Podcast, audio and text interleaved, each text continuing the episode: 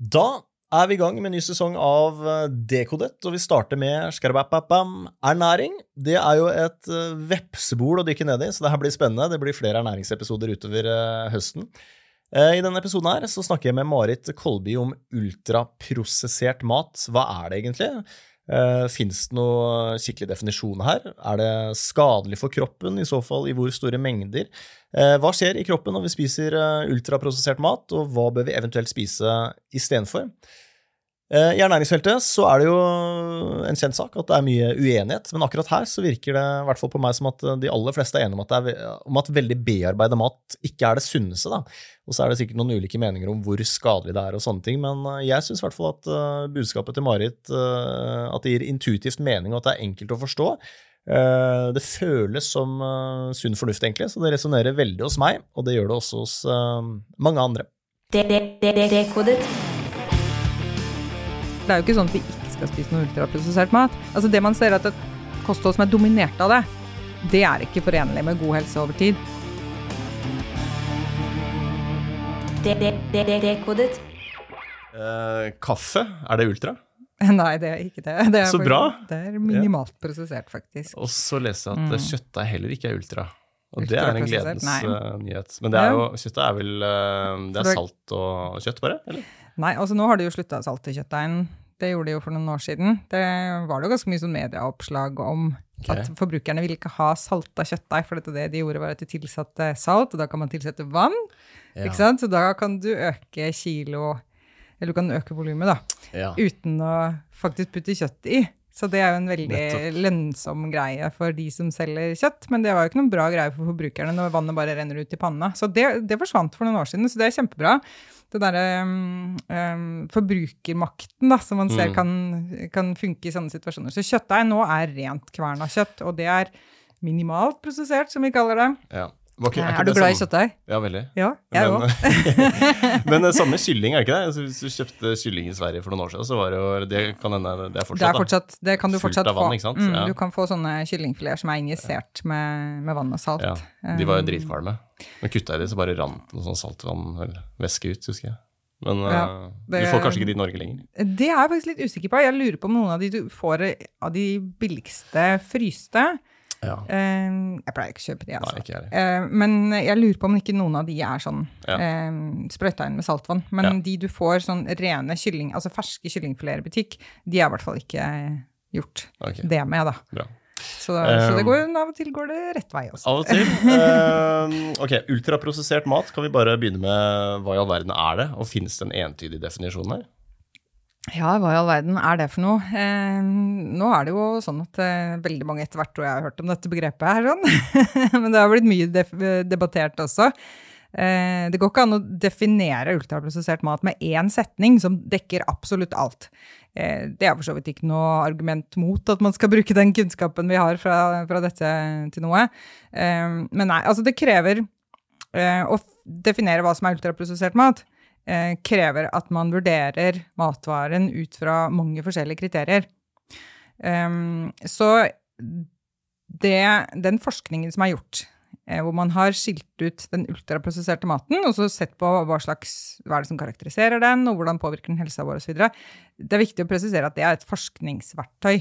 Mm. Det er et rammeverk som forskere kan bruke til å se på uh, den mest prosesserte industrimaten ja. versus råvarebasert mat, da, og kunne se på er det noen forskjeller hvis man spiser mye av dette eller mye av dette. Ikke? Mm. Det er det det er ment til.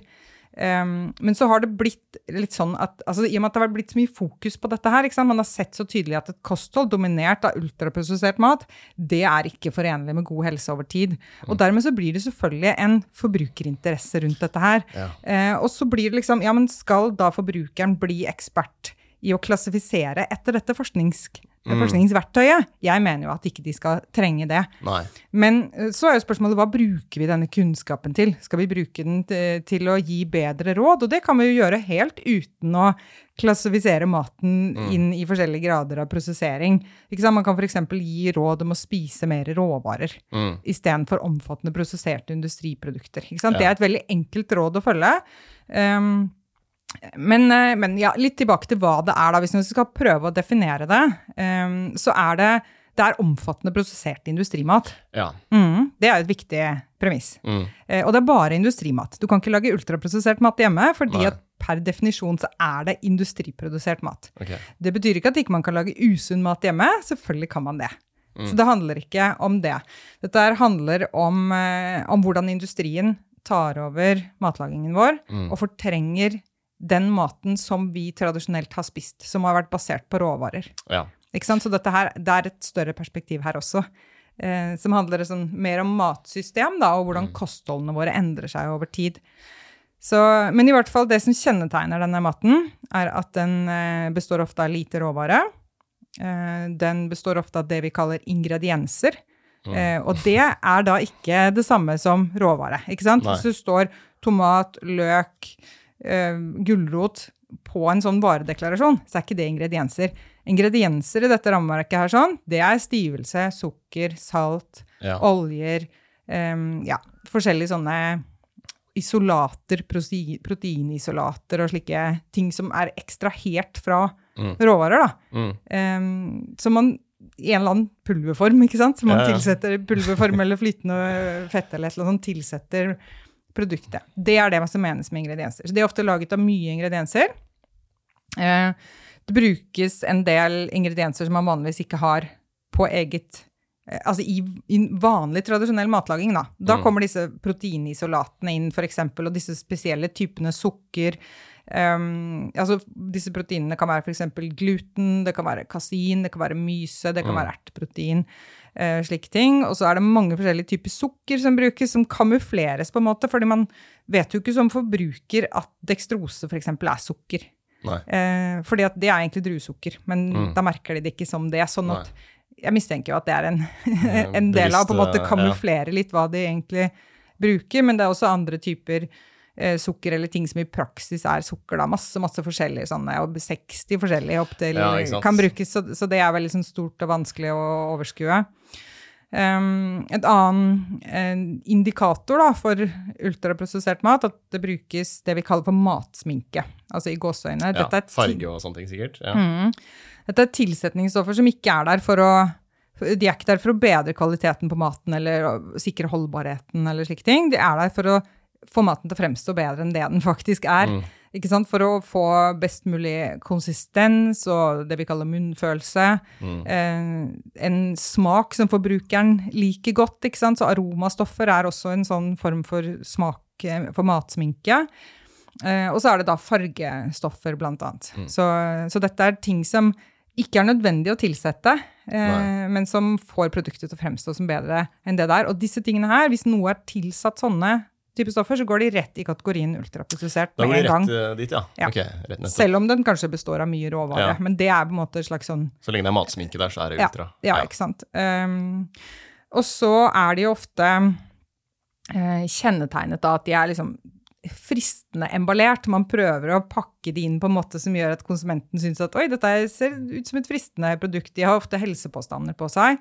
Mm. Det har vi jo alle sett. ikke sant? Det står sukkerfritt, det står magert, det står fiberrikt, det står eh, proteinrikt. Eh, disse merkelappene som vi har blitt så vant til å vurdere maten etter. Mm. Så man tenker at dette er sunt.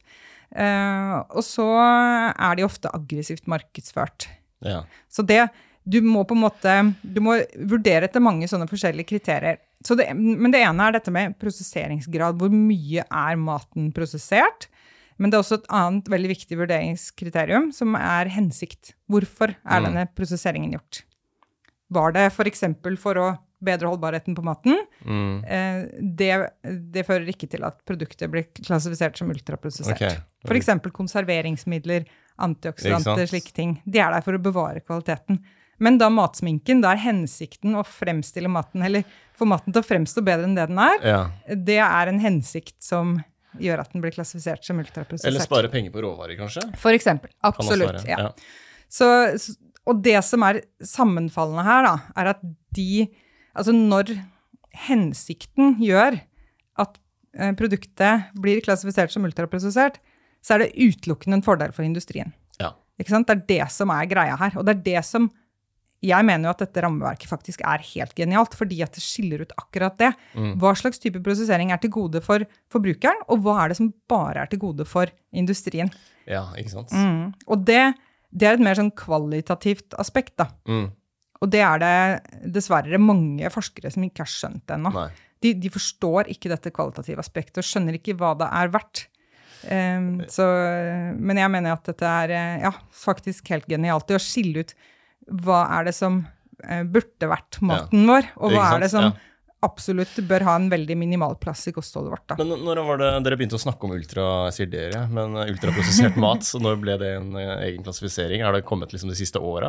Vi hørte ikke om det Nei. tidlig 2000-tallet? vi det? Nei, denne, dette rammeverket, som kalles da for NOVA, det ble Mm. utviklet av en gruppe forskere i Brasil.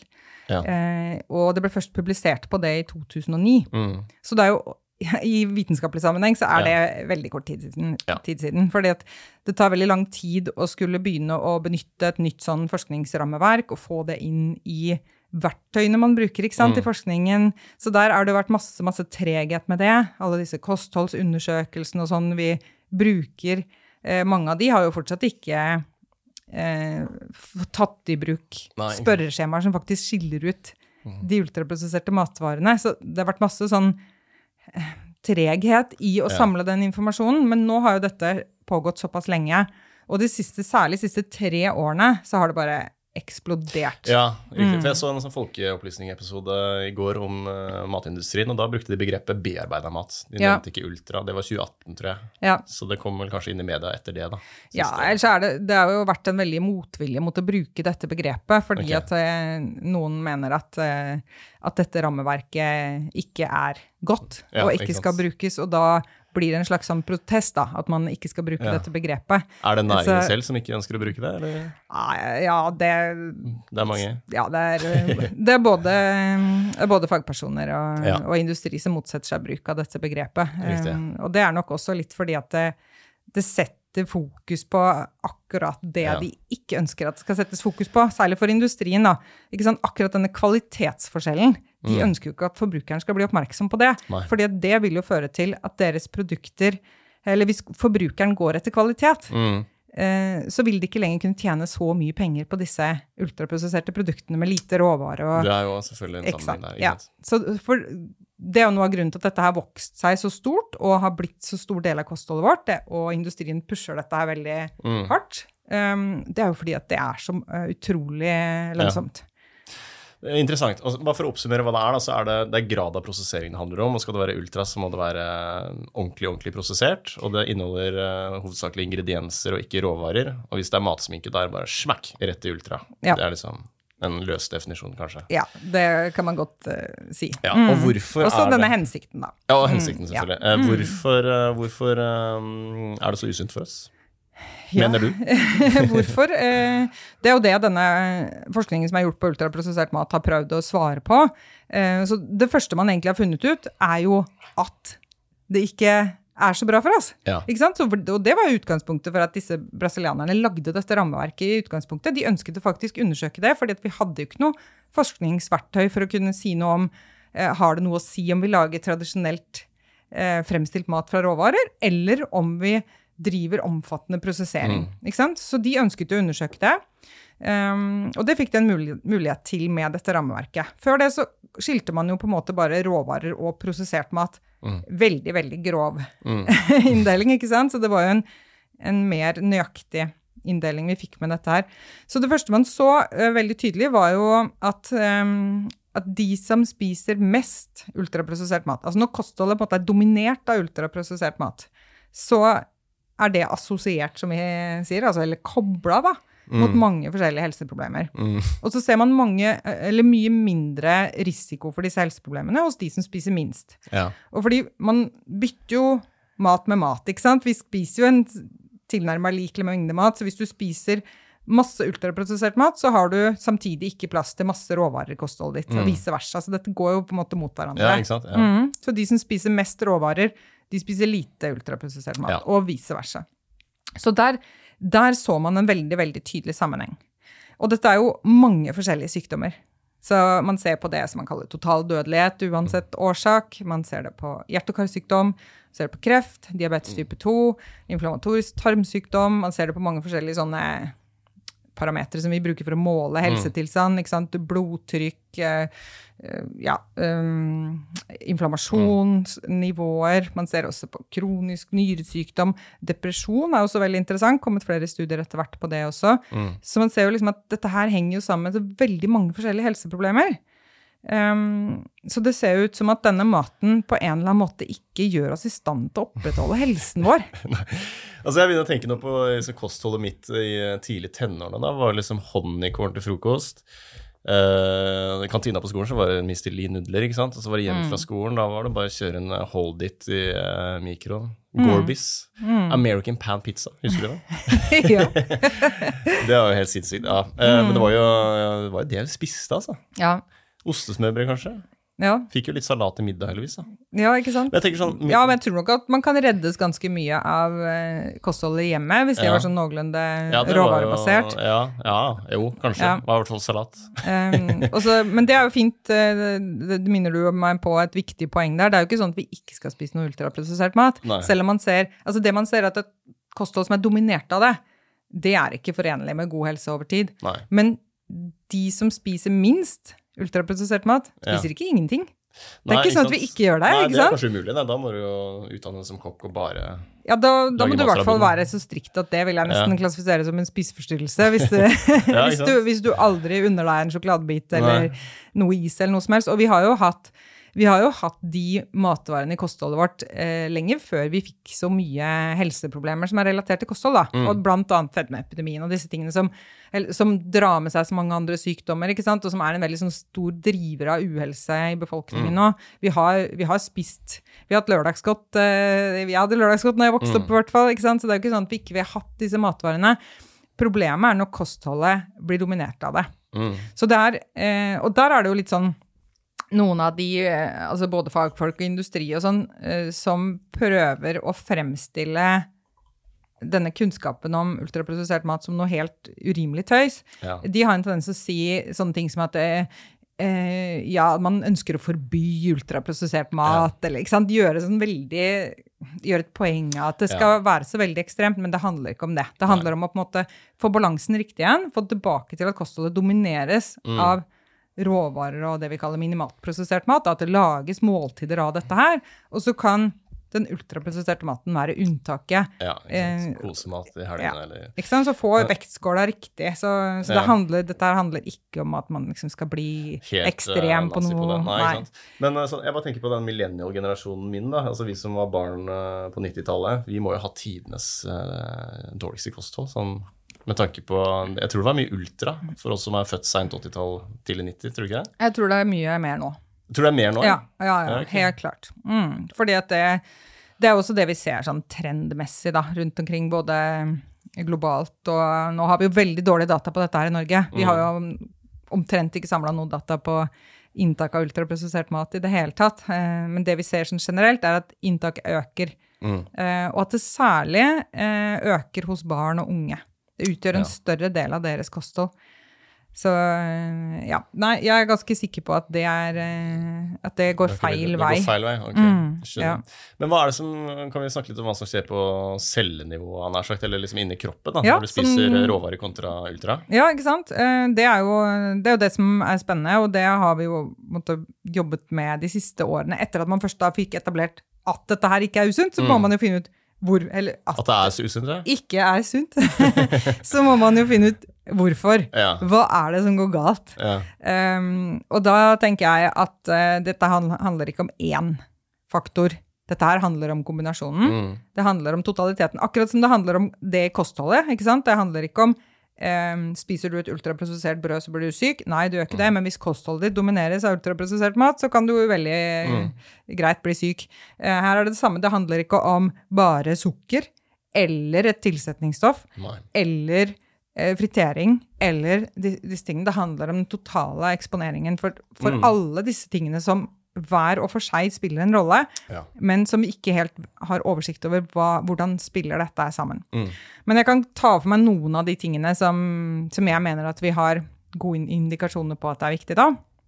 Eh, så det ene handler om dette her med at man i stedet for da Altså i råvarene så finnes jo næringsstoffene i det vi kaller et matrix.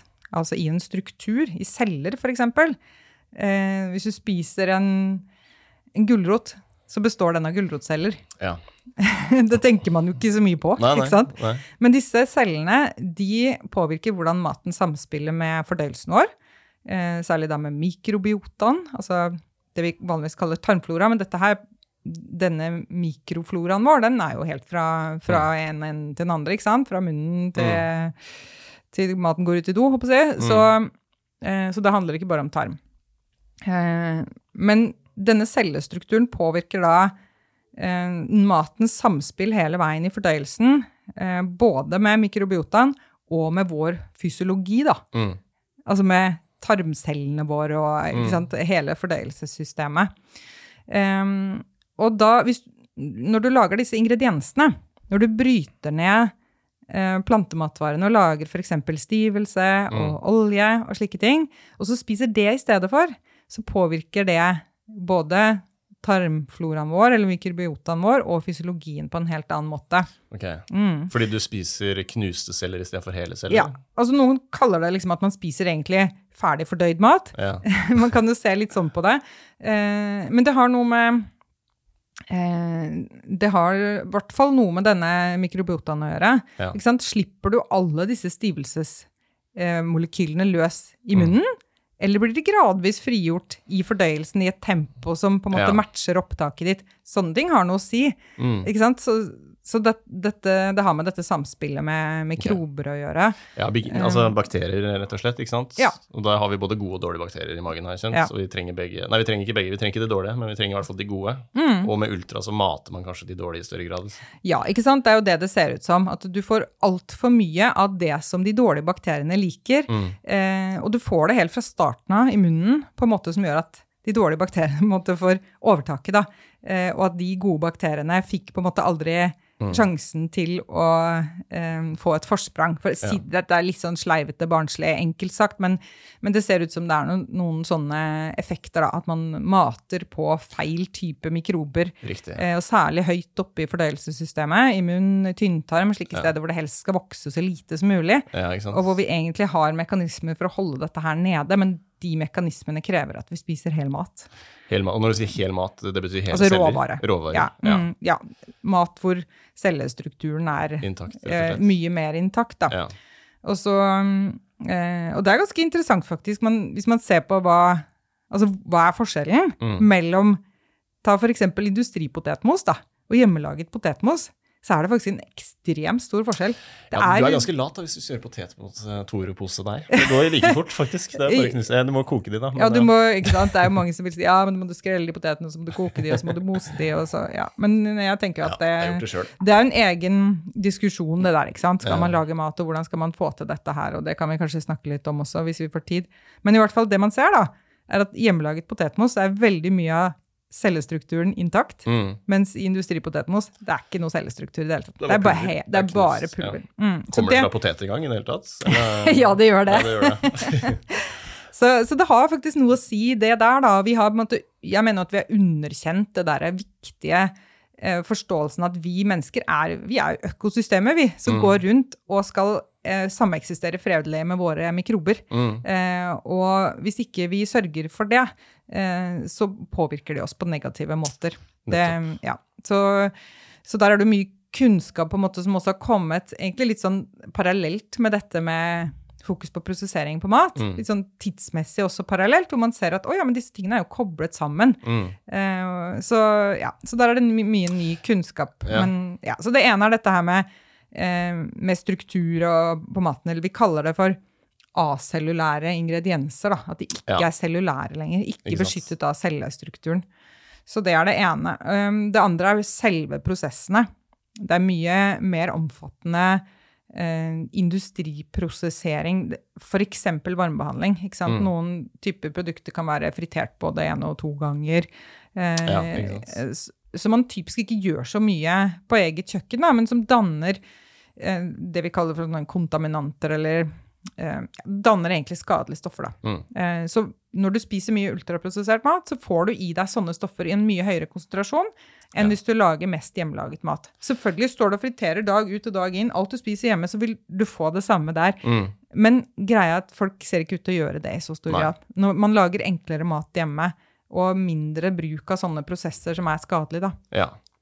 Ja, det kan være en fin retningslinje. Lag mer mat fra bunnen, rett og slett. Ja, Hvis man har tid, da. Det er Ja, et annet problem igjen, ja, det er en annen, eh, en annen diskusjon. Det, jeg tenker jo at vi må ta tilbake den, Ja, den og bruke litt tid på det som en selvfølgelig del i hverdagen. Og ja, det er ingen som sier til deg at du må ikke bruke så mye tid på å trene, vet du. Nei, Ikke sant? Det er helsebevarende atferd, og det er det å lage mat hjemme også. det er et godt poeng. Ja, ikke sant. Så, ja, men um, det var eh, Jo, det var en ting til jeg skulle nevne blant disse faktorene som vi vet er hvorfor denne, denne maten ikke er så bra for oss. Da. Ehm, jeg kan forresten nevne en prosess til. Det er noe som kalles for ekstrudering. Dette her er jo forbrukeren null forutsetning for å Nei. vite noe om. Uh, igjen, dette er et forskningsverktøy, så man, uh, man skal heller ikke prøve å lære opp forbrukerne det, men man kan lære da forbrukeren til hva er det bedre valget. Uh, for eksempel når man lager sånne, du vet, sånne puffa frokostprodukter, Mm. Cheerios, havrepoter, Ja, ja. sånn, så lager man først en slags sånn deig av havren, eh, og så kjører man den gjennom en sånn prosess hvor man under høyt trykk og temperatur lager disse her figurene, eller disse formene, og får den sprøheten og sånn som vi liker så godt. Eh, da ødelegger man samtidig strukturen til Ja. kornet.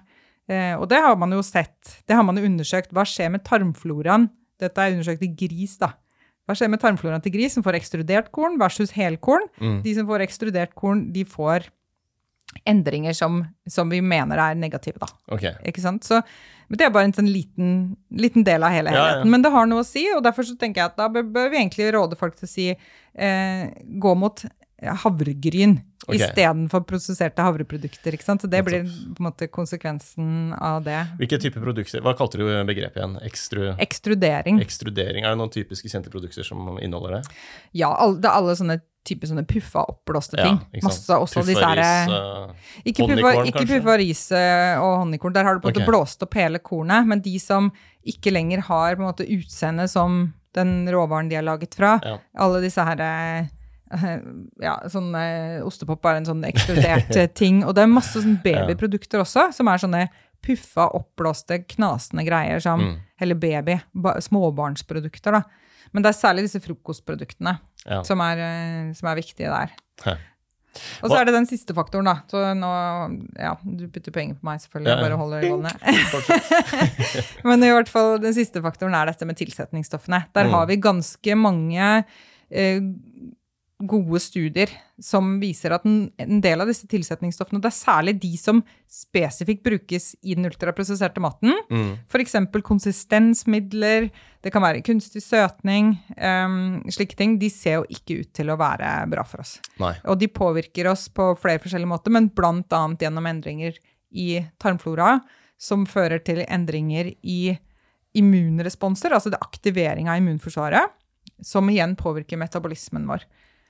Men er det noen spesifikke eh, tilsetningsstoffer som er ekstra skumle, eller er alle over en kam her, liksom alt er kjipt? Nei, det er ikke sånn at alle tilsetningsstoffer er et problem. Og som jeg som nevnte tidligere, f.eks. konserveringsmidler. Jeg ser ikke noen grunn til å generelt advare mot dem. De Nei. gjør heller ikke maten ultraprosessert, selv om det har vært hevdet av visse fremtredende personer innen ernæringsfaget. eh, feilaktig. Uh, så- så ja, nei, så de Jeg ser ikke noen grunn til å være bekymra for de. Eh, men de som ser ut til å være litt problematiske, er særlig noen spesielle sånne Vi kaller dem for konsistensmidler. Mm. Um, eller emulgatorer. Så Ja. der, er- det blir veldig detaljert og teknisk. Jeg vet ikke om vi skal ned i de spesifikke. Jo, godt gjøre det. Ja. Eh, kari, kari, kari, Karaginan? Kariban? Banan? Karaginan er et Ja. av disse stoffene som, eh, som nå er veldig under lupen. Mm. De har holdt på lenge nå i det europeiske mattrygghetsorganet, som heter EFSA, eh, og prøve å samle data på karaginan for å prøve å gjøre en ordentlig vurdering av hvorvidt, altså hvor skadelig er dette her. Man ser at eh, dette ser jo ikke bra ut. Eh, masse dyrestudier Mm. som backer opp at det ikke er bra, og også et par humanstudier hvor man ser at ja, men dette her, bare det å få tilsatt noe karaginan i kosten, fører til eh, negative Ja. ja, eh, hendelser for helsen. Da. Em, så, men problemet er jo også at her, det foregår jo ikke noe systematisk forskning på dette her. Nei. eh, Jeg tenker at de som er utenfor akademia, tenker kanskje at alt forskes på hele tiden. Ja, ikke sant? Det er Det det, gjør- det gjør ikke det. Nei. Nei, absolutt ikke. Så her er man jo avhengig av at her finnes det noen forskningsgrupper som har dette som interesse. eh, Som faktisk eh, knokler på, å søke midler og Mm. sørger for å få utført studier osv. For å få undersøkt disse tingene her. Sånn. Det fins nesten ikke på Karaginan. Det er noen få forskningsgrupper som jobber med dette, og de jobber veldig godt og systematisk med det, men det tar utrolig lang tid Mm. å samle den type data som man ønsker, da, for å virkelig kunne si noe om det. Um, så, men i hvert fall så har de holdt på med å prøve å samle data på, på Karaginan kjempelenge, og de har utvidet den fristen, og de er sånn Kan noen være så snill å sende oss noen gode studier på dette her, for vi vet for lite. Vi ser at det ser ut som det er problematisk, men vi trenger mer studier, ikke sant. Så der står de fortsatt, og har fortsatt ikke Nei. konkludert eller gjort opp noe status på det. Um, og så skal også um, Vitenskapskomiteen for mat og miljø, heter det. Så det er på en måte et norsk utgave av et slags sånn Ja, det er et organ som skal vurdere mattrygghet, blant annet. Eh, De har fått i oppdrag nå å gjøre en ny vurdering på en del av disse stoffene, så den kommer i høst. Okay. Så da vet vi fortsatt ikke noe mer annet enn at dette arbeidet pågår. Så ja, Nå husker jeg ikke farta akkurat hvilke stoffer de skal vurdere, men de skal i hvert fall vurdere dette karaginanet. Jeg mener også de skal vurdere det som kalles for karboksymetylcellulose, som er en sånn tilsvarende type stoff. Ja. Mm. Eh, og kanskje noen flere også. Hvilken funksjon har karganan i matene? Er det en emulgator, eller er det en Ja, eh, den har også den veldig heldige funksjonen at hvis du tilsetter karaginan til kjøtt, så kan du også tilsette en del vann, og så kan du selge karaginan og vann til kjøttpris. Ikke sant? Dette dette er jo informasjon- Ja, Ja, ikke sant? Dette er jo til og med informasjon som ligger ute på karaginanprodusentenes nettsider. ja. Som selvfølgelig ingen forbrukere oppsøker, men som er ment mot industrien. Altså det er jo en heldig, heldig gåseøyne effekt for industrien. ikke sant? Ja. Det er, igjen så ser du hvor godt det der hensikten henger sammen med, Mm. med klassifiseringen. Eh, ja, så det gjør det men, det, men det har også en sånn evne til å henge, eh, få ting til å henge sammen. Okay. Um, og på en måte gjenopprette en slags sånn munnfølelse og konsistens i produkter som kanskje er eh, fettredusert, f.eks. eksempel. Kan ikke bruke egg isteden. Det er alltid, ja, det er ikke alltid du kan bruke, det ikke alltid du kan bruke egg, men det kunne gjort f.eks. iskrem. Ja. Altså, opprinnelig så var det jo eggeplomme som var emulgatoren. For der er det karaginan i iskrem? Nå er det det i veldig mye is. Okay. ja. Både karaginan og karboksymetylcellulose. Så det de har gjort med iskremen, er at de har i veldig stor grad tatt ut de opprinnelige ingrediensene, eller det man, råvarene da, som man bruker. Is kan du lage av eggeplomme, fløte og sukker. That's it. Da har du Ja. iskrem. Eh, og nå består iskremene av vann og skummamelkpulver og aroma og eh, flere av disse konsistensmidlene. Og mye mindre fløte. Og ikke noe egg i de Nei. billige, store isprodusentene. Så, så det har skjedd en vesentlig kvalitetsforringelse der, da. Aha. Så hvis jeg stikker på butikken og kjøper en diplomis eller Henning Olsenis, så er det karganan oppi det? Og ikke noe egg? Ikke noe egg eh, lenger, nei. Nei. Og mye mindre fløte enn det det var før. Og, men de sier jo at de skal jobbe med det. Diplomis har sagt at de skal jobbe med å ta ut karaginan. Og de har tatt det. og karboksymetylcellulose. Og de har Mm. fiksa på noen iser, og jeg tror det ser ut som at alt som kommer av nytt, Mm. så har de ikke Altså nye produkter. eh, Så har de eh, fokusert på å unngå å bruke disse produktene. Men det Mm. som er gammelt, håper jeg, hvor der kjører de samme oppskriften, eller resepten som det heter i matproduksjon, da, fortsatt, så der finner du fortsatt disse stoffene. Ja. Men eh, de har sagt de skal jobbe med det, og jeg veit ikke hvor, i hvor stor grad de faktisk gjør det. Det har Ja. Diplomis sagt. Eh, Henning Olsen har, eh, har jeg ikke lykkes å få noe dialog Nei, med, selv om jeg har prøvd, prøvd på det. Um, så det ser ikke ut som de har tenkt å gjøre noe. Mm. Um, men så er det andre isprodusenter da, som, ikke har, som ikke bruker dette her. Og eksempel økologisk is, så har de ikke lov til å bruke disse produktene. Nei, eller disse ingrediensene. Så, ja, så, så der finner du ikke det. Men, Men, eh, også disse litt dyre, Møvenpik, Hagendas og sånn, de bruker ikke disse Nei, okay. stoffene.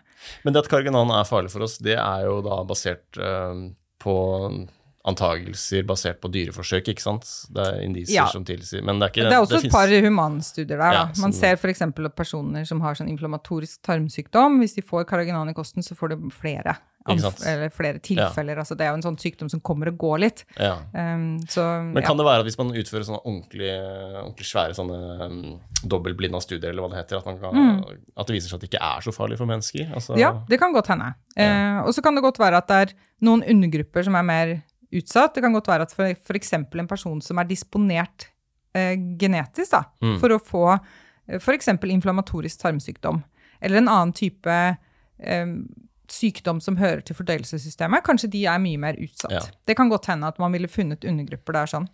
Eh, problemet er at sånne studier de blir jo ikke utført. Nei, det tar de lang er- tid kanskje. ikke sant? det kan ta veldig lang tid, Ja. de er veldig ressurskrevende. Um, og, så, og hvem har interesse av det? ikke næringen, i hvert fall. Nei, ikke sant? Så vel, det er jo problemet med ernæringsforskningen. Veldig, veldig mye av forskningen som blir utført, er eh, betalt av Mm. de som har en interesse i å vise at dette her er bra. Eller, Ja, ja. det gjelder ikke bare ernæring, det er vel over hele linja. Ja, ja ikke sant. men, det er det. Så jeg tenker jo at sånne type studier burde jo egentlig vært eh, eh, Offentlig offentlig finansiert, ja. Vi burde Ja. ha mye mer offentlige midler til å kunne gjøre sånne ting. Og si at dette er viktig for folkehelsa å Mm. undersøke. Eh, at ikke all den forskningen skal handle om eh, verdiskapning i form av økt mm. økonomisk inntjening, da. Mm. Ikke sant? Det er ja, absolutt. ja. Men det handler Så- litt om føre-var-prinsippet òg. Kanskje det er Absolutt. mange ting som tyder på at dette faktisk kan være skummelt for kroppen, og da bør vi liksom tenke føre-var-prinsippet. ja. Mm. Så, men jeg kan jo nevne et annet stoff, for det er veldig interessant. eh, Det er noe som heter titandioksid. Mm. som er et hvitt fargestoff, Uh, som for øvrig er et skikkelig sånn industrieventyr fra Norge. Med bruken av dette, hvordan det på en måte bare ble Ja. tatt i bruk overalt. I masse masse produkter. Det er i mat, og det er i, det er i maling, og det er i materialer, og det er i sminke eller kosmetikk. og det er Mm. liksom, Overalt er dette titandioksidet. Eh, og lenge så har det jo vært en mistanke om at det ikke var bra for fordøyelsessystemet vårt, eller for, for våre kropper å få det inn via maten. Eh, har igjen vært en sånn utrolig langdrygg prosess, hvor de har brukt årevis på å samle data. Eh, men så kom det til slutt en rapport. Når var det den kom, da? Eh, nå husker jeg ikke helt. Kan det ha vært 2021 eller 2020? Men i hvert fall da Mm. ble det fastslått av dette europeiske mattrygghetsorganet at titandioksid det er ikke trygt. Ok. Ja. Eh, og etter det så ble det jo da et lovforslag i EU-parlamentet om at det skulle forbys, Mm. eh, og det har blitt vedtatt. Eh, og dette lov... Eh, altså dette pålegget om å fjerne det fra mat, da, eller ikke bruke det i mat, det har trådt i kraft fra Det var vel fra nyttår. Eh, så nå skal det i EU ikke finnes mat med titandioksid, med mindre den er produsert før et tidspunkt og er liksom for, Ja, fortsatt innen holdbarhetsdato. Nettopp. Så, så vi bruker ikke titandioksid i noen matvarer lenger nå. Okay. Eh, men altså, forbrukeren har vært eksponert for dette her i så vanvittig mange år. Ja. I store mengder. Så det, det er et grunnleggende problem at denne eksponeringen kommer før studiene. Ikke sant? Det tar lang tid før man ja. Og det tar lang lang tid før man får reguleringer på det. Ja. Så egentlig så har skaden allerede skjedd. Så Ja. Du nevnte i stad dette med føre-var-prinsippet. Vi klarer jo ikke å ivareta det, det, fordi vi ligger alltid langt etter. Mm. Shit. Så, og titandioksid er jo da blitt forbudt i mat, men det brukes jo fortsatt flittig kosttilskudd og medisiner. Jeg er sikker på alle som hører på dette, hvis du, finner, hvis du har, har en eller annen det medisin, sjekk det der pakningsvedlegget, det er titandioksid i det. Men hva gjør titandioksid med kroppen som er så skummelt? Da? Nei, altså det ser ut som det fremkaller inflammasjon i tarmen. Da. Ja. Um, så det rett og slett det er jo setter i gang veldig mange som har sånn tarmeproblematikk. Ja, ikke sant? Så det er jo da et kjempeparadoks at Ja. også f.eks. personer som har inflammatorisk tarmsykdom, tar medisiner via munnen, ikke sant? som de svelger ned i fordøyelsessystemet, Ja. som inneholder stoffer som fremkaller inflammasjon. Sånn er det Ikke sant? faktisk. Sånn er det. Ja. Sjukt. Men er er det også i tannkrem, men jeg leste? Ja. Hvis det var det stoffet? Ja, Ja. Det er det også i tannkrem. Og det er det fortsatt, eller? Ja, det er det fortsatt i masse. Eh, og så er det spørsmålet om det, hvor farlig er det hvis du sørger for å skylle godt og spytte ut og sånn, men jeg ville i hvert fall prøvd å finne tannkrem uten til barna, da, som, eh, som har en tendens til å svelge mye og sånn. Så, men det er jo interessant, han ble jo konfrontert med dette, Steinar Madsen i Legemiddelverket. Ja. Eh, hva, gjør, hva skal Mm. dere gjøre med dette her eh, titandioksidproblemet? Mm. Og hans respons da er jo da ja, det blir jo veldig dyrt. Det blir dyrt, ja. ja Nei, det er dyrt. sant? Helse koster, vet du. Ja, så det er liksom fokuset. Det er veldig Ja. åpenbart at fokuset er jo ikke på å beskytte pasienten i denne sammenhengen. Da? Fokuset er jo da på hvor vanskelig det skal bli å gjøre noe med det. Men det skal vel fases helt ut på sikt? Eller? Ikke vedtatt noe- noen ikke ting når det gjelder legemidler. Yes. Nei. Det er, et annet, det er et annet regelverk Det er et annet- som styrer yes. produksjonen av Så vi legemidler får enn det i oss mat. uansett, altså. Ja, får fortsatt i oss. Mm. Så ja, nei, det er um, dessverre um, Shit. Ja, det er dessverre sånn det er, da. Ikke Ja. sant? Og vi i Norge er veldig sånn lært opp til å stole på myndigheter, og de, passer så godt på oss, vi har så Mm. gode regelverk, og alt det, dette er ivaretatt. Men det, altså, det stemmer ikke. Nei. Hvordan jobber du med det? Er det sånn du, du har vært i kontakt med en del uh, næringslivsaktører ikke sant? og prøvd å få det Ja. til å endre hva, hva er responsen da, når du tar kontakt? Det har vært veldig blanda. Dette har jo vært snakk om disse stoffene. Ja. Eh, Det var et samarbeid med Mage- og tarmforbundet. Vi innkalte mange produsenter og eh, ja, kjeder da, for å prøve å få noe fart i dette arbeidet. Fordi at vi så at denne reguleringen den- går altfor seint. Vi er Mm. nødt til å prøve å gjøre noe med det. Eh, veldig store forskjell. Noen, eh, f.eks. Coop har vært en foregangskjede der. sånn. De var veldig positive og sa vi ønsker ikke å eksponere våre forbrukere for unødvendige skadelige stoffer, så de ønsket å begynne med det arbeidet med en gang, og det har de gjort. Mm. Eh, og har i veldig stor grad tatt ut disse stoffene fra produktene sine. Mm. eh, og sørger for at alle nyutvikla produkter ikke har disse stoffene og sånn. Så de, all ære til dem for det. Eh, og så var det noen møter med en del, eh, hva skal man si, eldre herremenn eh, som satt meget avmålt og Ja. eh, signaliserte mye motvilje mot, mot denne typen henvendelser. Ja. Eh, og så har det kommet et slags sånn forbrukerkrav etter hvert. da. Eh, veldig mange forbrukere har blitt oppmerksom på det. Eh, og dette har jo vært med å presse noen produsenter til å måtte gjøre noe med det. For eksempel så har jo Tine tatt det ut av denne sjokolademelka. Mm. Um, og de sier også at de skal jobbe med å fjerne det fra flere produkter. Så, så det skjer jo noe der. Ja. Og dette er igjen da forbrukerdrevet, da. Ikke sant? Mm, er man må- ikke av reguleringer. Nei, ikke sant? Er det der eh, den veien man må gå, kanskje? For Jeg vet ikke om du har vært i kontakt med myndigheter òg? Jeg har prøvd å gå den politiske veien for å få endringer. Ja, eh, jeg har ikke gjort det så Nei. mye. Eller jeg har, jo for... jeg har jo vært i kontakt med disse instansene i Norge som skal regulere dette her, da. Mm. Eh, ikke sant? Mattilsynet, eksempel, de er ikke interessert i å gå i dialog om disse tingene. Um, så ja. Mm. Så det har vært mye mer effektivt å gå den forbrukerveien. Ja. Em, så, så det ser ut som, dessverre, at det fungerer mye bedre enn å henvende seg til Mm. de som faktisk skal beskytte oss, da. Ja. Ikke sant? ja, det er trist, det. Mm. Så ja, man kan bli litt desillusjonert, men allikevel så tenker jeg at det er viktig at det er noen som tar de kampene da, på vegne ja, av forbrukeren. Men uh, du nevnte litt tidligere i episoden at det, er, øh, det finnes noen motstemmer der ute også. Hva Ja. er argumentet deres når de hevder at ultraprosessert det er ikke så farlig, liksom? Det vi har spist i alle år, da. Eh, Nei, altså eh, det er vel egentlig ikke så mange lenger som sier Nei. at ultraprosessert mat ikke er et problem. Fordi at hvis du har lest hvis du ikke har bodd under en stein, hvis du virkelig har lest noe av det som er publisert, så er det Mm. veldig, veldig tydelig. Det, det er mye uenighet der ute, og det er mange usaklige, eh, ikke-gyldige motargumenter mot dette her med fokus på ultraprosessert mat. Og det er klart at mye av dette her kommer fra industrien som har en interesse av å lage disse matvarene. Men noe av den motviljen på en måte mot å bruke denne kunnskapen til å gi råd, bunner i at, at en del personer mener at ja, men dette er ivaretatt allerede. Mm. Vi har ivaretatt det. ikke sant? Vi, har, vi sier at man skal spise mat som ikke inneholder mye sukker, ikke mye salt, ikke mye Det er særlig fokus på mett og Mm. fett, men både fett og mett, eh, fett og metta fett. Ikke sant? De mener at disse her er tilstrekkelige Ja. eh, kvalitetsvurderinger av maten vår.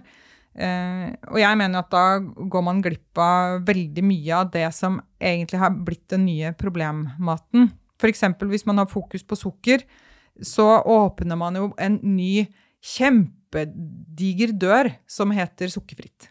Ikke sant? Og det er jo det som har skjedd innen industrien vår. Industrien har med et fokus på å redusere sukker skaffet til veie ekstremt mye produkter med kunstig søtning. Så de, det, snapper jo ikke det, disse rådene opp. ikke sant? Nye råd nå.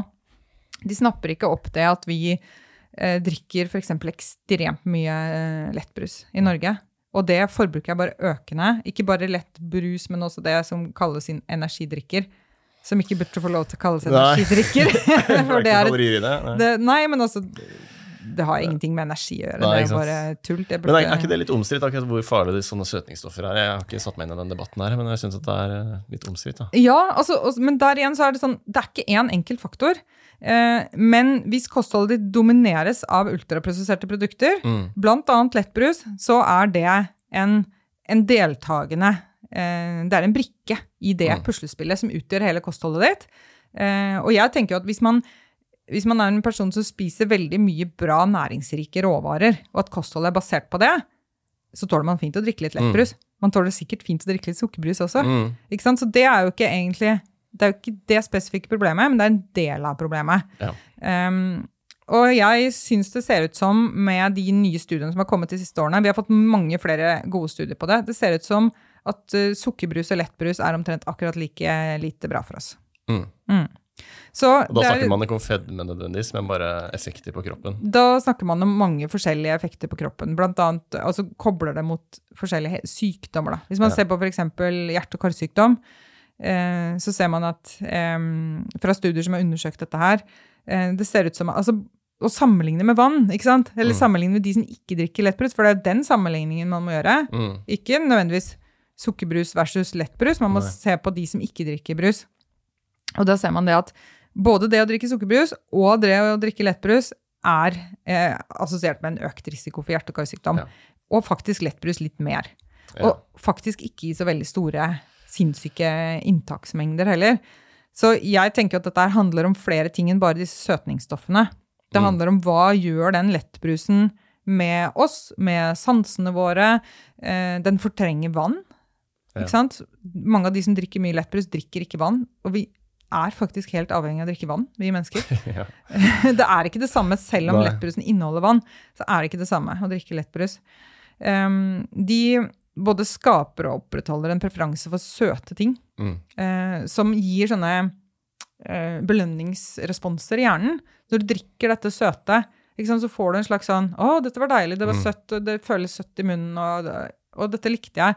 Um, men så får du aldri den bekreftelsen i fordøyelsessystemet som Nei. du skal, skal få når du spiser ordentlig kvalitetsmat, som på en måte bekrefter til hjernen at ja, nå har du fått det du trenger, nå er du mett, du kan, nå kan du slappe av å være uten mat en stund. Så du higer hele tiden etter mer, og det ser Mm. man jo også at særlig de som er sårbare, de ender opp med et stadig økende bruskonsum til de Ja. er oppe på en sånn Ja. nivå hvor det egentlig er pinlig, ikke sant? Ja. Og hvor de begynner å oppføre seg som sånn det blir sånn eh, misbrukeratferd. Gjemmer flaskene, sniker seg på butikken sent for å pante alle Pepsi Max-flaskene og sånn. Det- Og det er veldig sånn det er veld- ja. ja. ikke sant? Og det er en sånn det er en sånn misbrukeratferd. Ja. Uh, og vi kan jo ikke si at det er eh, greit. Nei, ikke i det hele tatt. Nei. Men, kan, men kan det være at de som drikker mye lettbrus generelt lever jævlig usunne liv, da? Mitt inntrykk, i hvert fall. Det, er Det- det kan absolutt da, men absolutt på følelsen. Og, det, og jeg tror at en del prøver å kompensere. For Ja. eksempel hvis du drar på McDonald's og så kjøper du et eller annet som du vet at dette er jo ikke så veldig bra. Eh, Jeg kompenserer med å kjøpe lettbrus. Ja, ikke Og så tror de at dette liksom nuller hverandre litt Ja, ut. ikke sant? Og så er det egentlig same shit for Ja. meg. Det, Men har man klart å skille ut det? For det er det som er vanskelig å skille ut årsak-virkning her. Nei, det er veldig studerer veldig vanskelig. For Ja. det, det man ikke gjør i ernæringsstudier, og som jeg mener er en kjempestor feil, er at man, man klarer aldri på en måte kontrollere for kostholdets kvalitet. Når man skal undersøke effekten av ditt og datt og ditt og datt.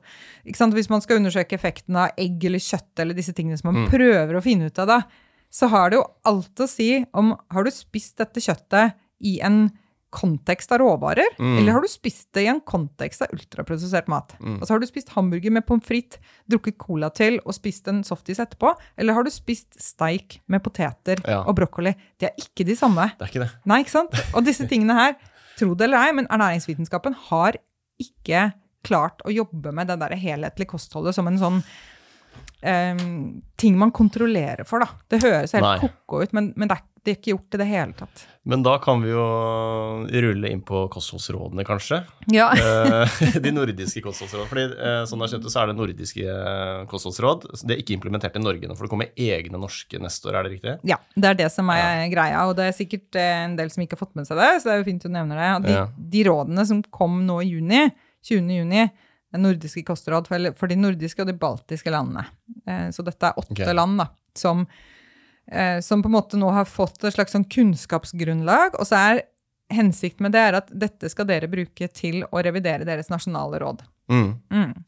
Så, så det, hensikten er vel å gjøre det enklere, da. Og prøve også kanskje samkjøre litt hva man gjør i disse landene som har sånn geografisk, eh, ligger litt sånn geografisk samla. Eh, så vi har ikke fått nye norske kostråd, eh, men dette arbeidet har jo vært ledet av norske helsemyndigheter, altså via Helsedirektoratet. Eh, Så det er jo naturlig å tro Eller jeg vil synes det eh, Jeg vil tenke at det er veldig rart hvis vi lander på noe helt annet Mm. etter dette og sier at det, nei, Ja. nå skal norske råd bli helt annerledes. Men Ja, det, det, dette er en prosess som starter nå. Eh, For de som er interessert, så går det an å gå inn på Helsedirektoratet og, og finne informasjon om det, og der kan man abonnere på nyhetsbrev, så da får man beskjed når det kommer noe nytt Riktig. innen det. Vi vet fortsatt ikke Eller vi vet at uh, Helsedirektoratet har fått i oppdrag å gjøre dette, ja, altså lage disse nye kostrådene. De er ment å publiseres i 2024. Mm. Uh, vi får se, da. Vi er allerede veldig langt ute i 2023. Um, det er ikke offentliggjort hvem som skal gjøre det. Altså hvem skal lede arbeidet. Det blir jo sikkert satt ned en arbeidsgruppe. Mm. Hvem skal den bestå av? Og hvem er det som peker ut den, forresten?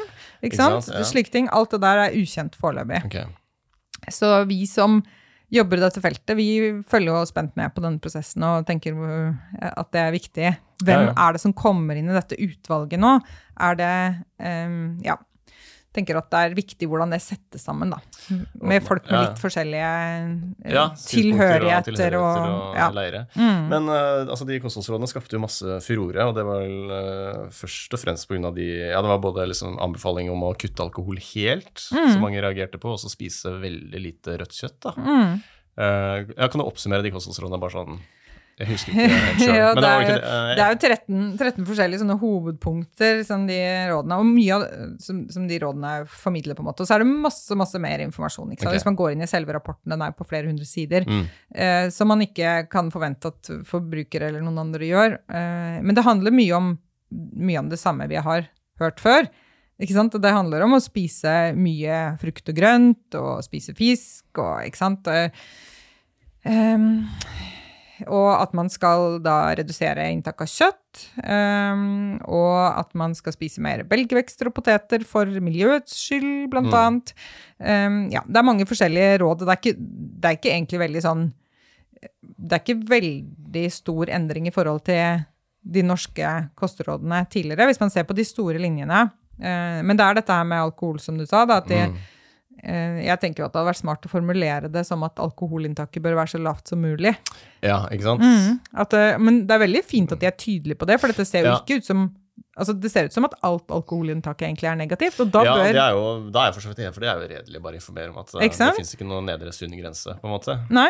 Og så, Men, så da må du på en måte du må velge dine laster Ja. og gjøre det med omhu. Og det samme med sukker, eksempel. Det ser ikke ut som det er noe sånn eh, trygt inntaksnivå av sukker. Det ser ut som enhver til, altså tilførsel av sukker i kosten, fritt sukker, da, eller sånn tilsatt sukker, det er negativt. Så da bør også rådet være sukkerinntaket bør være så lavt som mulig, mener Ja. jeg. Så da er det basically, hvis du vil leve optimalt, sånn som vi ser det, så følger du dette. Ja. Men du er jo fri til å leve hvordan du vil. Ikke? Ja, ikke sant, Det er men det er jo- det, det er jo ikke noe påbud. Nei, det er ikke noe påbud, liksom. Nei. Det er riktig. Eh, og det er jo mange som sier det også. Ja, jeg skjønner ikke hvorfor dere bråker dere så fælt om disse kostrådene. Det er jo ikke noe påbud, man kan jo gjøre som man vil. Men det mange ikke skjønner, er at kostråd, når det kommer nasjonale kostråd, da, så får de store betydninger for f.eks. Eh, altså det blir laget retningslinjer basert på dette her. For hva skal folk spise i barnehagen, hva skal man spise i skolen, hva skal man spise på sykehus, sykehjem, andre, fengsler, andre institusjoner.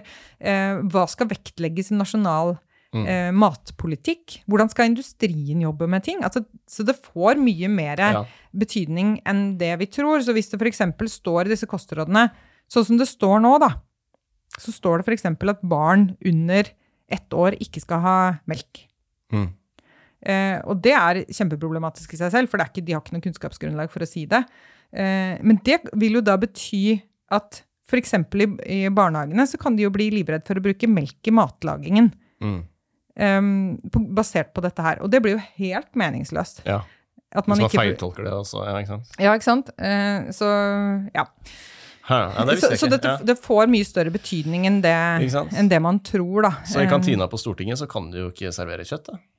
Jo, de kan jo Det det. én gang i uka, liksom. Så er det dekket 350, er det ikke 350 gram der i uka? Jo, ikke sant? De sier at, at de ikke bør eh, At inntak av rødt kjøtt ikke bør overskride 350 gram i Ja. uka. Men så sier de også fra miljøhensyn, da, eller klimahensyn, så bør det være lavere enn det. Så det er jo greia Ja. Nå er jo da det Det er jo en lavere grense, kall det det, da, i gåseøynene, enn det de norske kostrådene hadde tidligere, som da var 500 gram. Så det er jo Ja. ikke noe sånn gigantisk reduksjon, egentlig. Okay. Um, og jeg tenker sånn, jeg er overhodet ikke en som mener at vi skal spise mye mer kjøtt. Eh, men noe av det jeg har kritisert, er kunnskapsgrunnlaget man gir dette, Ja. disse rådene på. Det er interessant, for det har jeg lest litt om. Ja. Uh, altså Der er det litt sviktende kunnskapsgrunnlag, særlig når det kommer til rødt kjøtt, er det Ja, ikke det? ja, At det er noen studier som peker i ulike retninger, rett og slett? da? Ja, og flere av disse studiene som uh, inngår i det arbeidet som, eller i det kunnskapsgrunnlaget som de baseres Mm. på, uh, der, der er jo konklusjonen i disse studiene at det er altfor usikkert grunnlag til å gi noe Mm. Eh, konkrete råd om det. Det er et veldig grunnleggende prinsipp. Man skal ikke gi sterke anbefalinger på svak evidens. Mm. Ikke sant? Men det er akkurat det som er gjort nå med rødt kjøtt. Ja, for det er kreft vi snakker om hovedsakelig? Eller inflammasjon, eller Det, det er kreft, og så er det hjerte- og karsykdom og diabetes. Det er egentlig de som på en måte er Ja. mest i fokus. Da. Eh, og det er liksom det som trekkes fram hver gang. Men den evidensen for at rødt kjøtt faktisk øker risikoen for kreft Dette er bare snakk om tarmkreft, det er bare Mm. én krefttype.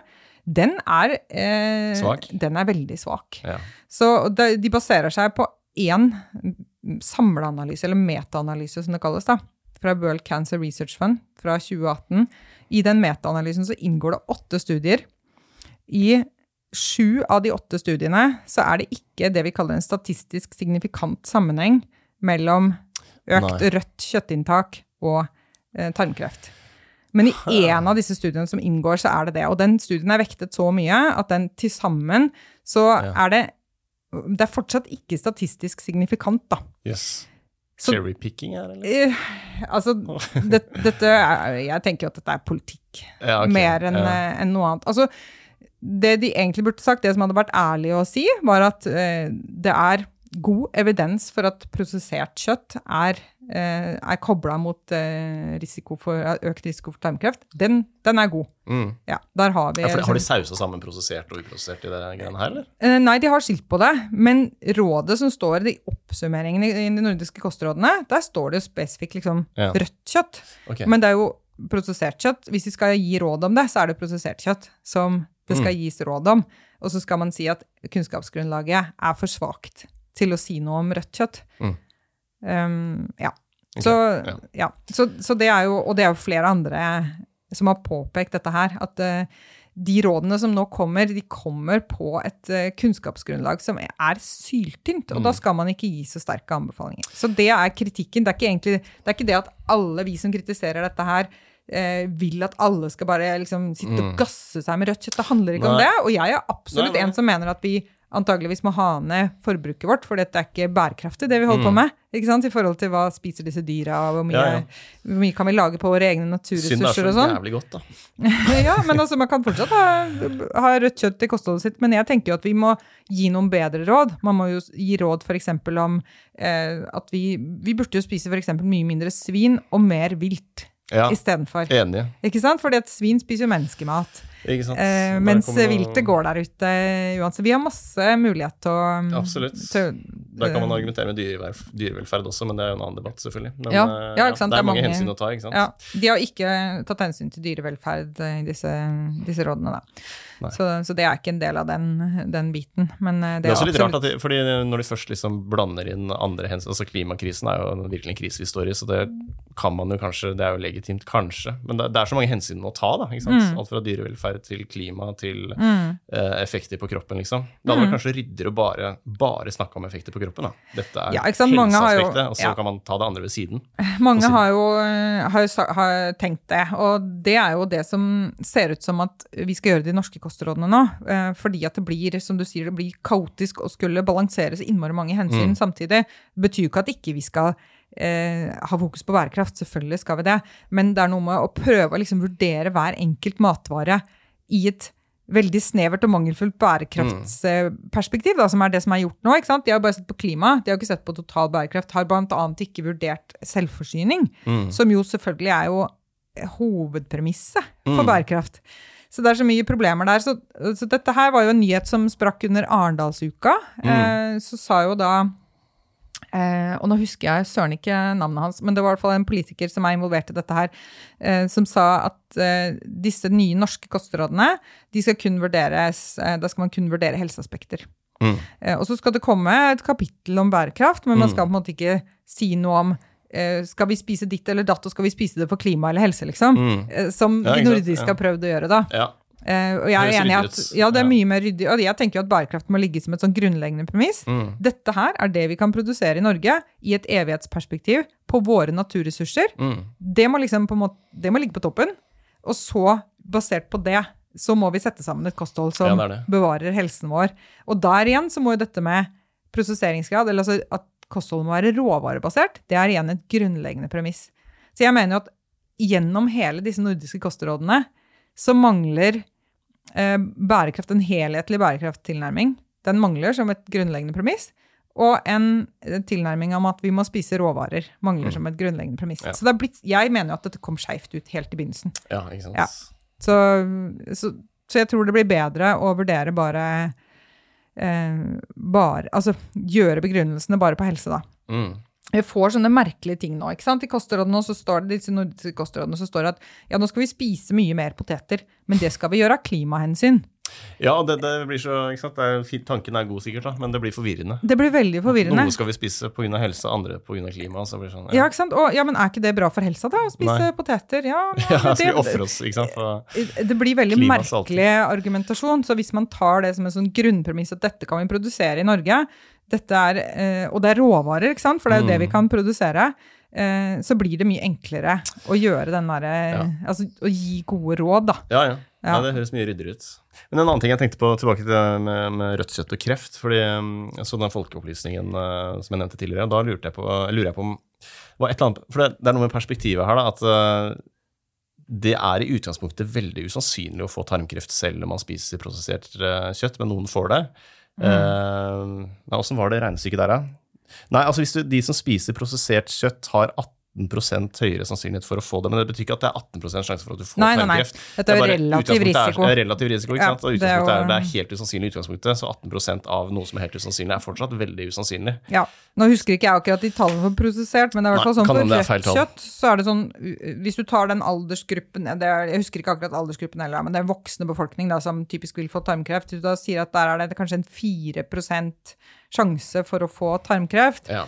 eh, og så legger du da på Hvis du da spiser mye rødt kjøtt, og det er Mm. mye, for da er det snakk om eh, 100 gram økning om dagen, så liksom økning i inntak, da. Hvis du øker inntaket ditt med 700 gram i uka, så får du en effekt på det som, er, som øker risikoen din til 4,4. Mm. Og den er veldig usikker, den Og den- økningen. ikke sant, ja. Ikke sant? Det, så vi snakker om det, Ja. eh, det Hva skal man si ja, så, så stor er den Ja, ja. effekten, på en måte. Ja, ja. Men det er Mm. fint å liksom vite om de tallene, for når man bare sier at det øker sannsynlighet for kreft, så høres det skremmende ut. Det høres veldig skremmende det- ut, og så har man en tendens til å blåse opp den der relative risikoen, som man kaller det, som ikke er det samme som man, man må egentlig se på hva er økningen i absolutt risiko nå, for at man skal ha en mulighet som forbruker til å vurdere hvor, hvor farlig er det for meg å spise litt mer eller litt mindre av det ene eller det andre. Og så er jo spørsmålet, skal man egentlig gjøre sånne regnestykker? Jeg tenker jo at man ikke skal gjøre det. Jeg er veldig motstander av at kostholdet skal bli et regnestykke, og det er også noe jeg kritiserer disse nye nordiske kostrådene for, at det blir veldig sånn, du skal ha 25 gram planteolje hver dag, du skal ha 90 gram fullkorn, du skal ha 0 til 1 egg om dagen, ikke sant? Det blir, så, det blir en sånn meningsløs detaljstyring av kosthold, og så gir man et inntrykk av at her finnes det en fasit. Hvis vi får bare alle til å spise akkurat i henhold til denne fasiten, så kommer dette til å gå bra. Mm. Men det er ikke sånn det fungerer. Hadde vi fått Nei. folk til å spise kvalitetsmat, så hadde det gått veldig mye Ja, bedre. Det Mm. er noe med det. Mm. Uh, du skriver et eller annet i boka hvis jeg husker riktig, om at eh, kjøtt uh, Tarmen tar opp mer av næringsstoffene når vi spiser kjøtt, kontra planter. At det er vanskeligere for, eh, for oss å ta opp Mm. næringsstoffer fra planter. Ja, eh, ikke bare kjøtt, da, men all animalsk mat. Så det Ja, er sant, kjøtt og fisk og egg ja, og ja. melk og Hva kommer det av? Er det lettere å bryte ned kjøttprotein? Ja, det er denne strukturen som vi snakka om tidligere. Ja. Um, den cellestrukturen som finnes i kjøtt, f.eks., uh, den er bygget opp på en helt annen måte enn cellestrukturen i planter. Eh, og i vårt fordøyelsessystem, altså i tynntarmen vår, så har vi noe som kalles enzymer, som er sånne spesialproteiner som kan bryte ned andre Mm. molekyler. Eh, de kan bryte ned disse dyrecellene, Ja. sånn at du får frigjort alle næringsstoffene. Sånn at når man spiser kjøtt eller fisk eller egg eller slike ting, så kan vi nyttiggjøre oss Mm. eh, nesten all næringen. Mens når du da spiser en potet da, Mm. og tygger den og svelger ganske store mengder hele celler, så vil mange av de forbli intakte og ikke tas opp Da er det bare de som er ødelagt, på en måte, som kan frigjøre næringsstoffene sine, sånn at det tas opp i tynntarmen. Eh, så tas det mer opp i tykktarmen, for der har vi bakterier som hjelper til med denne nedbrytingen. da. Men det, kan det brukes som et argument for at vi faktisk bør få i oss litt kjøtt? da? Altså Vi trenger å få i oss de næringsstoffene fra kjøttet ja, eller fisken? Absolutt. Ja. Jeg mener jo det. at man, Det er jo en veldig viktig del av kostholdet vårt, er jo det som den animalske maten ja. tilfører. Og jeg tenker at alle må ikke spise kjøtt hvis man av en eller annen grunn ikke har lyst til det. Men jeg tenker at absolutt alle har godt av å ha animalsk mat i kostholdet sitt. Ja. Og særlig, særlig barn. For dette er ja. veldig stor forskjell på det å være i vekst og utvikling eh, og det å være i vedlikehold. Eh, og, ja, så, klart, ikke sant? så hvis et uh, velnært voksent menneske som har fått animalsk mat og fått alt man trenger til å virkelig bygge en solid, god kropp, et godt skjelett, mm. et godt fundament, eh, kan sikkert klare seg veldig fint som eh, planteeter mm. ganske lenge. Eh, mens det er noe helt annet å måtte holde det tilbake fra barn i vekst. Ja, det, ja. Så, så, jeg mener at man trenger animalsk mat. Og så er det ikke noe oppskrift der på akkurat hva og hvor mye osv., men at man bør ha noe tilførsel flere ganger mm. i uka animalsk mat. Og da tenker jeg i hvert fall ja, egg og meieriprodukter og sånn ja, for barn hvis man ikke ønsker å bruke liksom, kjøtt og fisk og sånn. da. Det det. Men det beste tenker jeg er å få alt. Mm. I litt forskjellige mengder sammensatt inn i kostholdet, sånn at man får så variert da smaker um, maten bedre òg. Det smaker mye bedre. Man, ikke sant? man blir ikke altså, Det er jo noe med det òg. Maten skal jo smake godt, og da får man på en måte brukt hele det mm. fantastiske potensialet som finnes i alle råvarene våre, det det. og få litt forskjellige næringsstoffer, eller sammensetning av næringsstoffer fra de forskjellige matvarene. Så totaliteten blir veldig bra. Og så må man selvfølgelig kombinere dette med plantemat, for det er mm. plantemat og animalsk mat i kombinasjon som er den magiske Formen. oppskriften. Mm. Ja. For de hjelper hverandre. Det er ikke de... så revolusjonerende, egentlig. da. Vi har spist Nei, sånn i alle år. Ikke sant? Det er jo ikke det. Og det er jo ikke så vanskelig. Hvordan klarte vi å kuke til denne ja. diskursen her, liksom? Hvordan klarte vi det? Å ta en sånn, sånn gigantisk detour vekk fra essensen langt, langt ut på viddene og prøve å ja. liksom, grave grave mer ned i detaljer og analysere maten vår i stykker, bare for å komme tilbake til at å ja, nei, men vi skal bare spise en kombinasjon av råvarer. Fisk, ja. Nei, men så greit, da. ja.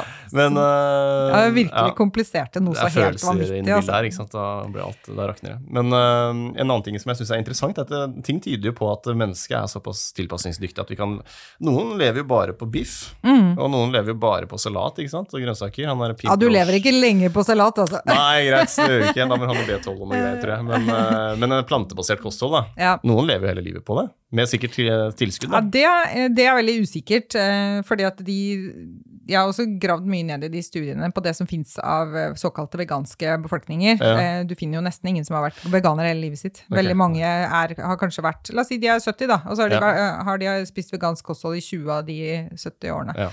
Så, så, det er veldig usikre data på det. Jeg uh, har ikke sett noe data på befolkninger hvor de har vært uh, Altså fra, fra avvenning, da, fra morsmelk. altså Alle starter ut med mm. animalsk mat, ellers ikke så dør de jo. Mm. Så, men fra avvenning, hvis man da avvenner et barn, eh, det orker jeg nesten ikke å tenke på engang, men til et vegansk kosthold, eh, og så lar dette barnet vokse opp på et vegansk eh, kosthold, og ser på en måte hvordan det går hele livet. Mm. Det, det finnes ikke noen sånne Nei. data. Og jeg, jeg vil tro at det ikke går bra. Okay. Ja.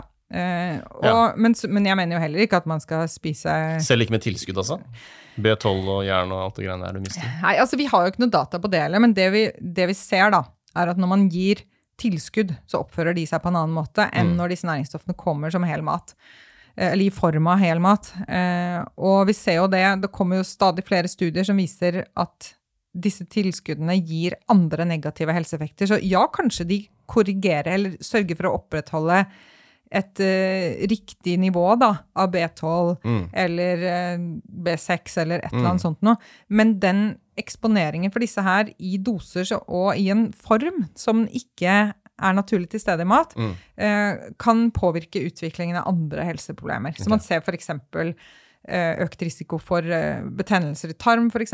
hos barn som får eh, jerntilskudd eller tilskudd av andre næringsstoffer også. Man ser økt kreftrisiko hvis man kombinerer flere forskjellige B-vitaminer sammen. Så det er ikke bare bare å kjøre på med disse tilskuddene heller. Og dessuten så har vi jo vi har ikke data på bruk av tilskudd for barn. Man har ikke undersøkt dette i studier. Hva vil det si å liksom gi barn tilskudd i stedet for mat?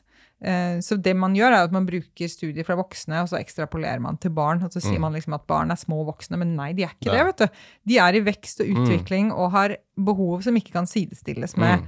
voksne mennesker. Så her er det så mye usikkerhet Ja. eh, at det Ja, det er et uh, eksperiment jeg nesten ikke orker å ja. tenke kanskje, ja, ikke sant? Ja. Shit. Så- Men eh, de som eh, Men voksne mennesker er veldig tilpasningsdyktige. Ja, Absolutt. Og vi, kan, og vi kan liksom switche mellom forskjellige kosthold, og vi kunne reist fra den ene eller til den andre regionen i verden og spist deres tradisjonelle kosthold, og fint tilpasset oss det. Da endrer vi genuttrykket vårt, blant annet, for å tilpasse oss et annet kosthold. Det samme ville skjedd med deg hvis du veksla mellom et animalsdominert og et plantedominert kosthold, så ville du også skrudd av og på gener for å håndtere det. Mm. Um, så det har vi jo funnet ut at vi er veldig det, vi, Ja, ikke sant. ja. Gener som produserer noen ulike typer enzymer da, som Ja. bryter ned på ulike måter. Mm. Men de som eh, Det syns jeg er veldig fascinerende. Folk som bare spiser biff med salt og drikker vann. Jeg vet Ja. ikke om de ljuger, eller om de faktisk overlever. Du sa også C-vitamin, har jeg lest. Det produseres jo ikke i kjøtt. Du får ikke eh, C-vitamin gjennom kjøtt, gjør du det? Nei, det gjør ikke det. Ikke? Um, det er veldig, veldig lite, i hvert fall. Men så er det um, det som også Det er jo sånn fascinerende det der. Vi mangler jo studier på det også, men det er jo, de er jo ikke studert, disse Nei. menneskene som spiser et sånt rent carnivore-kosthold. Så er, man har jo ikke data lenge, på det. kanskje, nei. Ikke sant? Og så er jo spørsmålet også Ljuger de? Jeg veit ikke. Ja. Det er jo noe med Det det også. Um, og hva annet er det de Altså Spiser de faktisk bare det? Jeg vet jo at det er en del som ikke sant? De, de drikker kaffe, og de spiser kanskje noe Mm. annet, de har noe krydder på. litt sånn, Så det er hvor, hvor carnivore er egentlig det kostholdet. Ja. Men her er en annen interessant ting, da. Vi har ikke studert hva, altså hvordan næringsstoffbehovet vårt endrer seg med endring i kosthold. Og det gjør det. Mm. Ikke sant? For vi bruker forskjellige mikronæringsstoffer, da, vitaminer og sånn. Vi bruker de i de prosessene hvor vi f.eks. bryter ned karbohydrater. Mm. Og så bruker vi f.eks. C-vitamin bruker vi opp når blodsukkeret vårt stiger. Da, da forbrukes vitamin C i blodet. Mm. Det vil jo si at hvis du ikke har en blodsukkerstigning, som du typisk Du får ikke noe blodsukkerstigning hvis du spiser mat som ikke inneholder karbohydrater, så vil du ha mye mindre behov for C-vitamin til Ja. den å håndtere okay, den ja, prosessen. sant? Så er, dette er ikke studert. Nei. Dette er bare noe jeg har tenkt i mitt eget hode, basert på det jeg har lest om det. Jeg vil tro at hvis du switcher folk fra et karbohydratbasert kosthold til det vi kaller et carnivore-kosthold, så faller C-vitaminbehovet deres dramatisk. Ja, ok. Mm. Ja, det Men jeg, vil jo. Men- ja, ikke sant? men jeg vil jo tro at du fortsatt har noe C-vitaminbehov, men så vet vi også at kroppen resirkulerer veldig effektivt. Eh, og at det finnes andre stoffer som kanskje kan kompensere. Andre typer sånne lignende Mm. eh, stoffer i kroppen som kan kompensere noe for C-vitaminbehovet, da. Eller C-vitaminfunksjon. Ja. Så her, her har vi kunnskapshull. Men det man ser, da For det, del, de få Dette er jo bare anekdotisk, men de som har byttet til sånne carnivore-kosthold, de får jo ikke skjørbuk. Nei. Så der er Ennå? det Ikke Nei, og, de, og mange har gjort det, det lenge også. okay. og vi vet jo at disse altså, I gamle dager så fant vi ut dette med skjørbuk og C-vitamin fant man jo ut i forbindelse med disse sjøreisene, hvor, ikke sant, hvor eh, sjømennene ble syke. De ble jo syke på noen måneder, i løpet av noen måneder. Ble veldig syke og døde av skjørbuk. Mm. Så da burde jo egentlig de som har spist karnivor noen Mm. år, burde jo vært døde for lenge siden av skjørbuk. Um, så det kan hende at det er Jeg tror at det er kostholdsavhengig, da. Da, altså det skumleste da er kanskje bare å spise biff og et eller annen type grønt plantegreie. eh, Altså salat som ikke inneholder C-vitamin. trenger Jeg veit ikke hva som er det skumleste, men jeg, øh, jeg orker nesten ikke de der ekstremkostholdene. Jeg Nei, tenker at begge, jo- ja. begge ender der er jo eh, det er jo ikke bra. Det er ikke bra for matgleden. Det er ikke bra for, for kroppen. Altså Det som er bra, er å finne en eller annen forening av plantemat og animalsk mat av høy kvalitet ja. som gjør at man kan eh, opprettholde god helse da, og spise det. seg god og mett, og at, liksom, at hjernen blir mett, og at kroppen fungerer godt. Og, og så vil det være litt individuelt. Noen vil trives med mer plantedominert kosthold, Ja. og trives veldig godt med, med mye brød i kosthold, og syns at det er helt topp. Da Mm. blir jeg mett og god, og er frisk og funksjonell og er energisk og alt. Og for andre så fungerer ikke det. Kanskje de må ha mer animalsk basert mat, da. Mm. Mer egg, mer fisk og kjøtt og slike ting. Og selvfølgelig um, annen plantemat og grønnsaker og frukt og alt det der, og kombinere det på en måte som gjør at man får et veldig næringsrikt og bra kosthold. Det tenker jeg, det, det er dit vi skal.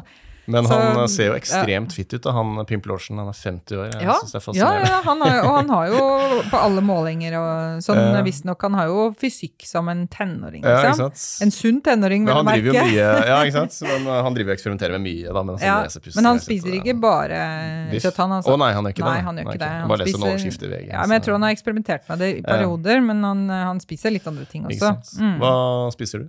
Jeg? Jeg spiser eh, absolutt mest eh, råvarer. Ja. Mm. Jeg spiser også ultraprosessert mat, selv om noen kanskje tror at jeg ikke gjør det. Jeg spiser eh, mye mørk sjokolade, f.eks. ja.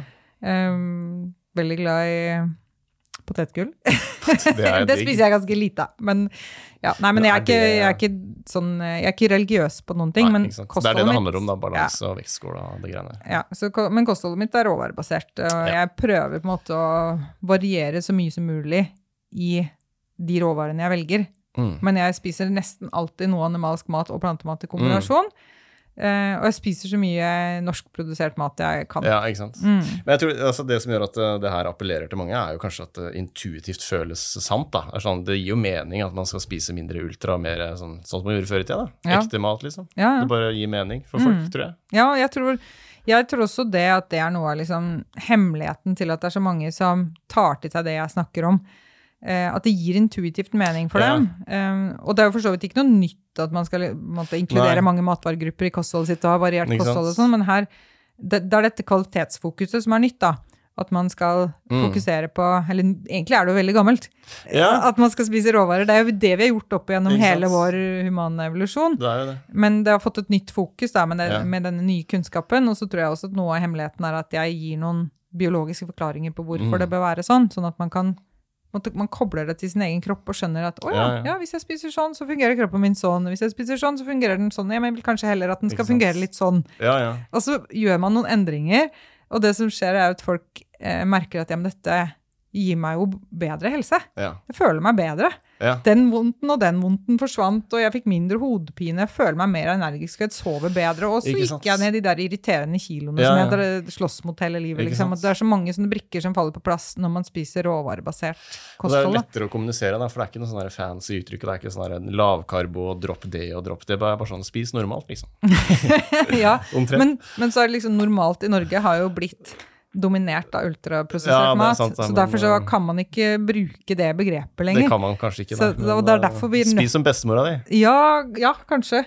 Hvis eh, bestemor lagde bra mat på det er råvarer. Så Ja. ja. litt, mer, litt mer sånn, da. Eller hva, hva var det vi spiste før vi fikk alle disse helseproblemene? Litt mer tilbake til det, tenker jeg. Spis råvarebasert mat, er Ja. vel eh, konklusjonen. Ja, ikke sant? Bra, men uh, takk for praten, Marit. Bare hyggelig. Det- det- det- Dekodet.